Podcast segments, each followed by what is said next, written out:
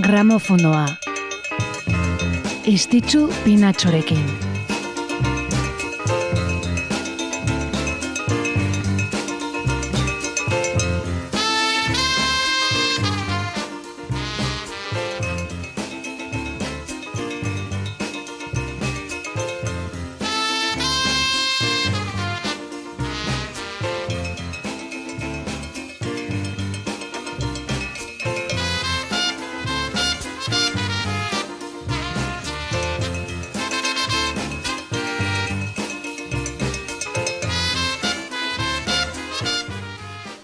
Dakigu zer duen musikak gure baitan eh, horrelako emozioak sortzeko, Mino jakin badakigu musika pertsonen arteko komunikazio modurik zarrena dela.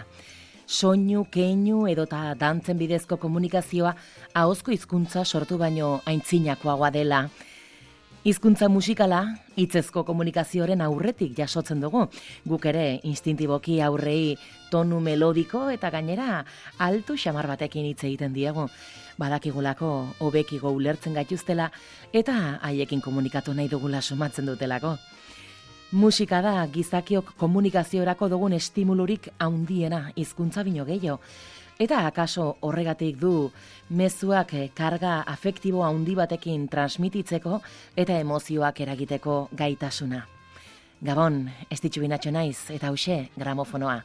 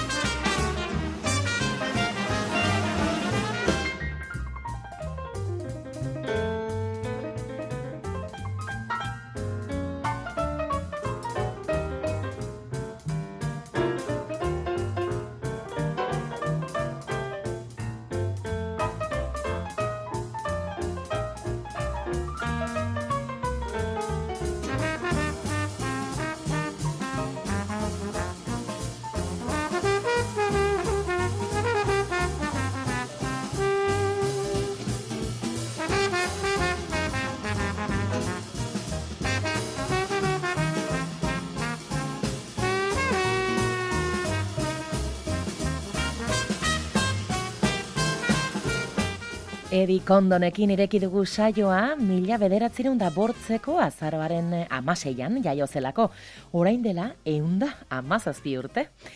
Edi Kondon indianan jaio zen, eh, Illinoiseko mugatik hurbil eta beraz eh, Chicagotik hurbil. Musikalki lotura handia izan zuen hiri honekin, hainbat eh, talde sortu ondotik Chicagoko lokaletan egunero egiten zituen emanaldiak interes handiz jarraitu zitulako publikoak. Bino, hogeita margarren amarkadan, bere egoera aldatuko zun erabaki garrantzitsu bat hartu zun, Milt Gablerrekin, e, edo, Milt Gabler e, ekoizlearen bazkide egintzen edikondon, komodore izeneko diskoetxe txiki, bino bikainaren jabe bihurtuz. Konpainia handiek baztertzen zituzten eh, New Yorkeko talde txikiekin lan egiten zuten eta horri esker Eddie Condonen grabazioak eh, ugaritu egin ziren eta New Yorkeko gauetako mugimendu musikalan presentzia eta ospe handia izaten hasi zen Eddie Condon. Bere klub propioa irekizun eta Kolumbiarentzat zortzi disko bikain grabatu zitun. Dixieland munduan arribitxiak direnak alkoholzale amorratua izan zen eta horrek osasun arazoak eragin zizkion. Mila bederatzireun da irurogeita mairuko abuztuaren lauan hiltzen Edi Kondon.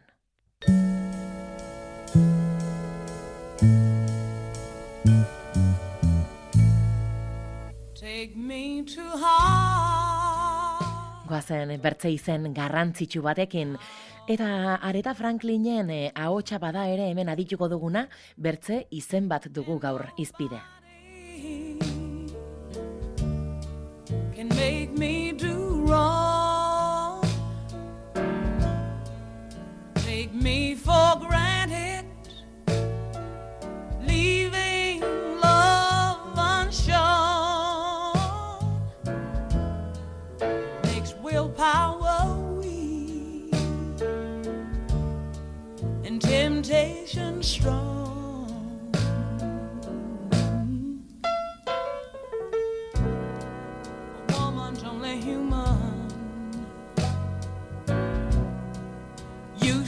Understand. She's not just a plaything. She's flesh and blood, just like her man. If you wanna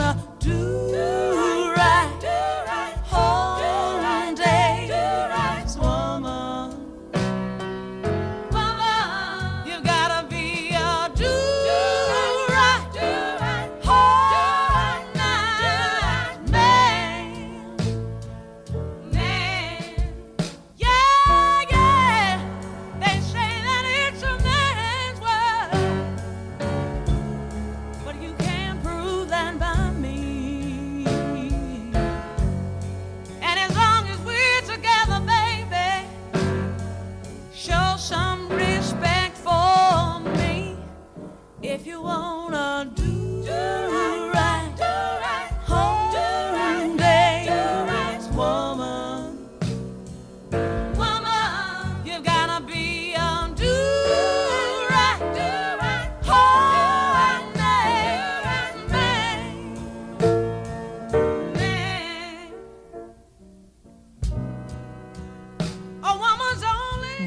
laro geita bat urte bete ditu Dan Penn musikari, abeslari, kompositore eta produktore estatu batuarrak. Alabaman jaioa, irurogei garren amarkadako hit haunitzen egilea da bera, Dan Penn. James Carrek kantatzen zun The Dark End of the Street, edota aretaren ahotsean aditzen dugun Do Right Woman, Do Right Man hau dire horren adibide. Soularen ahots xuri onenetakotzat jo izan da danpen, Mino interprete gisa bere izenak ez du horrelako oi hartzunik izan. Mila bederatzeron da irurogeita mairutik lau album baino ez ditu argitaratu bere izenean. Mino erran bezala, komposatzaile eta ekoizle gisa da batez ere ezaguna, Dan Penn. Gaur, laro bat urte.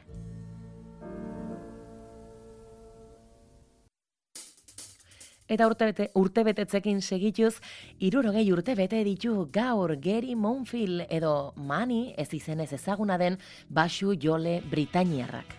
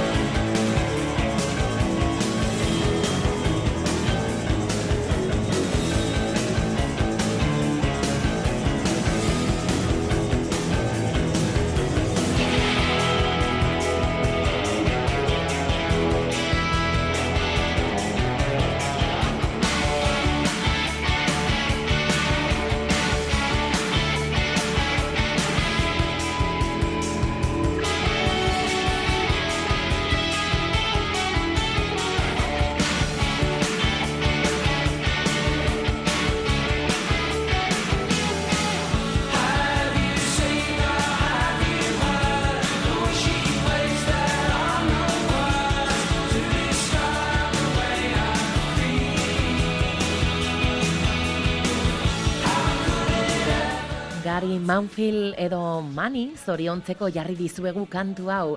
Stone Roses taldea da, bera ezagun egin baitzen batez ere talde hontan Stone Rosesen, bino baita Primal Scream taldean eh, egindako lanagatik. Stone Roses aditzen ditugunak Manchesterren sortutako rock alternatiboaren mugimenduko talde aintzindaria izan zen, mila bederatzerun da larogeita bedetzi eta larogeita amabigarren eh, urteen artean argitaratutako bi disko bikainengatik. Gero larogeita maseian banandu ziren eta orduan elkartu zen mani Primal Screamekoekin. Hauekin bort disko grabatu zitun, bino 2000 eta amekan Primal Screamekoak agurtu zitun, Stone Roses taldearekin, hogei urteetan deus argitaratu gabe egon ondotik, bi single berri grabatzeko. Urte hartan Glasgown jo zuten taldearen azken agerraldia izan bidezen hartan, baina entzuleek eh, agur baten itxura hartu zioten, eta egia da ordutik ez dugula haien berri gehiagorik izan.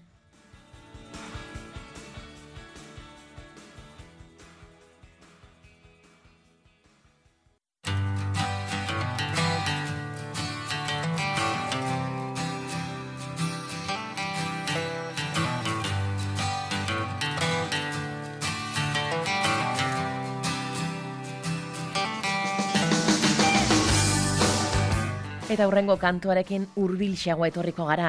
Bartzelonako musikari bat ekarriko dugulako orain gramofonora. Urteak betetzen dituen bertze musikari bat eta horretarako prest, lokillo eta bere banda. Hauxe da, el rompeolas. Lunes, martes, miércoles mirando hacia el mar. Es un buen lugar para irse a olvidar.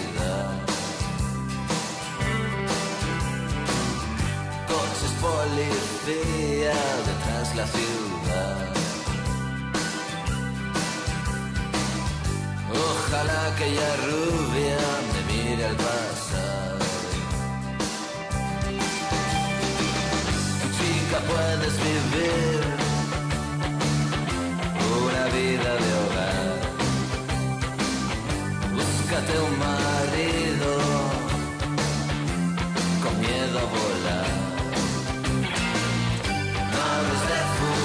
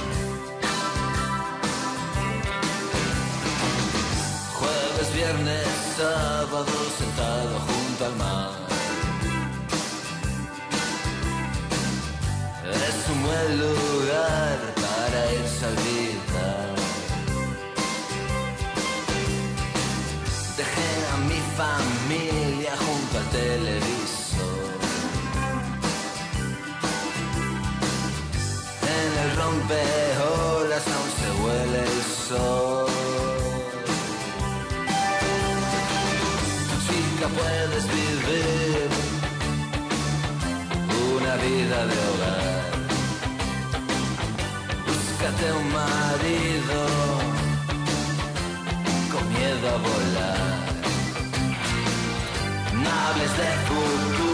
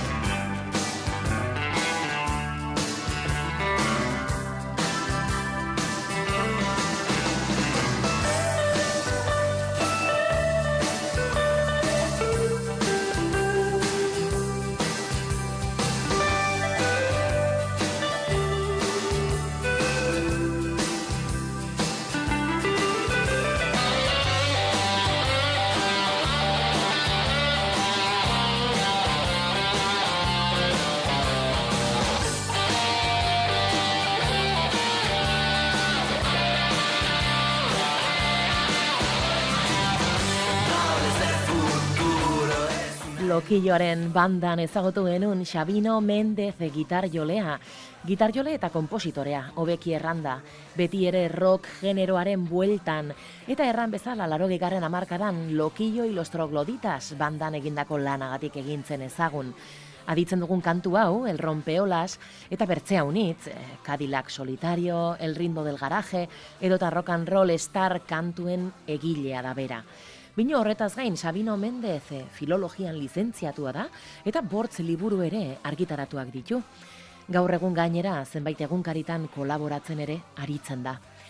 Sabino Mendez, Kataluniarra zari gara, lokilloren bandan gitarra astintzen eta kantuak idazten ibili zena. Gaur, iruro gehi urte.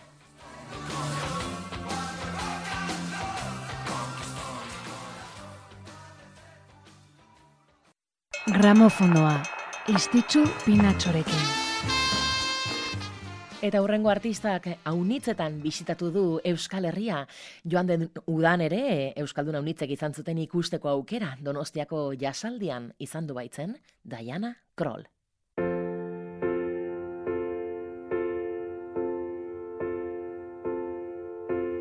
In a little while from now, if I'm not feeling any less sour, I promise myself to treat myself and visit a nearby tower.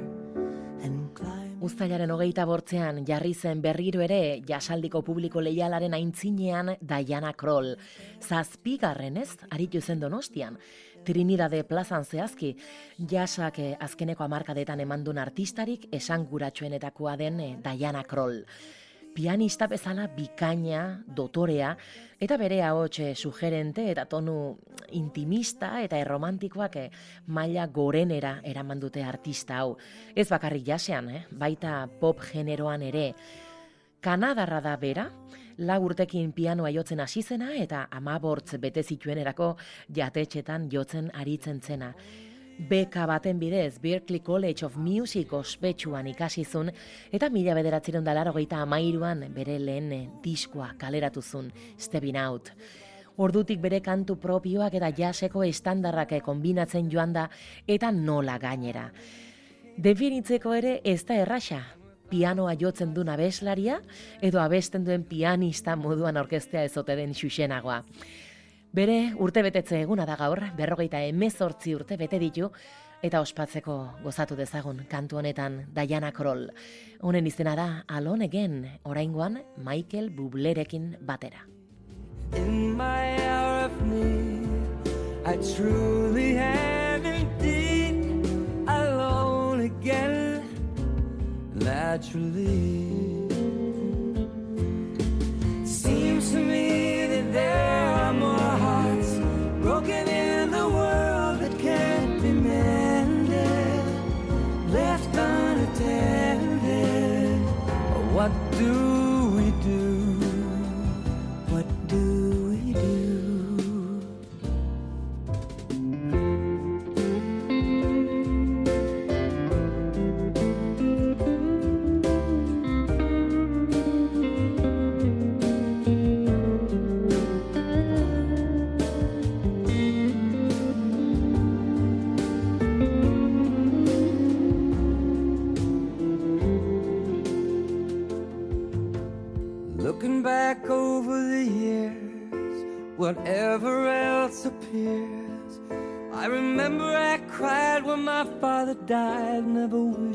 Hide my tears.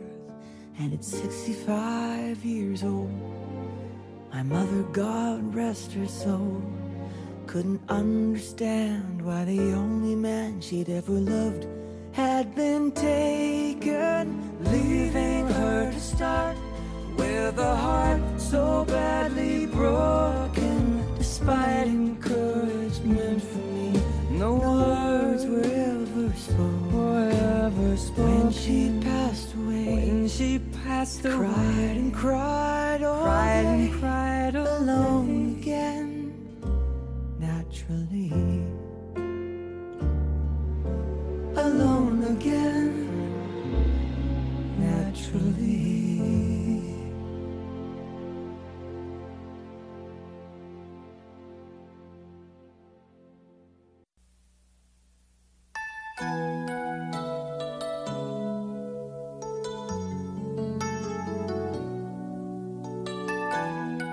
eta dotorezia aipatu dugu, ba urrengo artistak ere bazun hortatik, edo bere kantatzeko moduak. I believe the children are our future. Teach them well and let them lead the way. Show them all the beauty they possess inside. Give them a sense of pride The children's laughter remind us how we used to be. Everybody searching. Greatest eh, Love of All maitasunetan haundiena Whitney Houston. Haunitzen zat inoiz egon dena hotxik ederrena.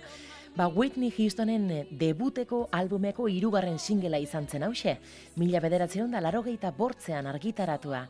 Albuma hasieran eh, motel sartu zen, impactu handirik eragin gabe, bino larogeita seian eh, album honek eztanda egintzun hiru singela aurkeztu zituenean.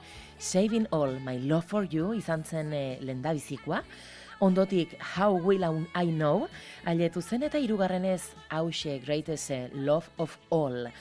Whitney Houstonen estudioko diskorik arrakastatxuena izan zen, hogeita bi milioi kopia salduz. Eta kantu honek, gaur bezalako egun batez, larogeita seian, Billboard Hot eun izeneko zerrendako lehen postua lortuzun. Estatu batuetan astero argitaratzen den eh, eun single salduenen zerrendako gailurra izautuzun. Horixe gaur bezalako egun batez, larogeita seian, Greatest Love of All, Whitney Houston.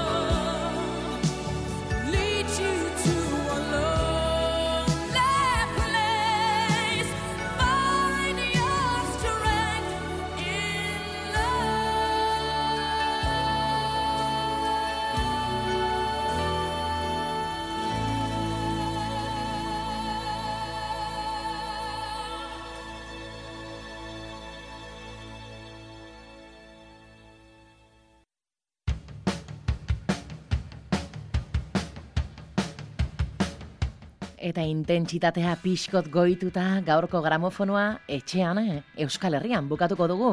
Bertako musikari bat zorionduz. Honen atzean dago, belako talde mungiarra, Josu Simun bilelabeitiak, Kris Lizarragak, Lander Zalakainek eta Loren Ekane bilelabeitiak osatzen dutena. Ba, Sea of Confusion izeneko kantu honekin itxiko dugu gaur, taldeko basujolea den Loren Ekane bilelabeitia zoriontzeko. Hogeita zortzi urte mungiar musikariak. Eta nire partetik, bertzerik ez hause izan da dena gaurkoz, amets goxoak izan ditzazuela, pasagabon.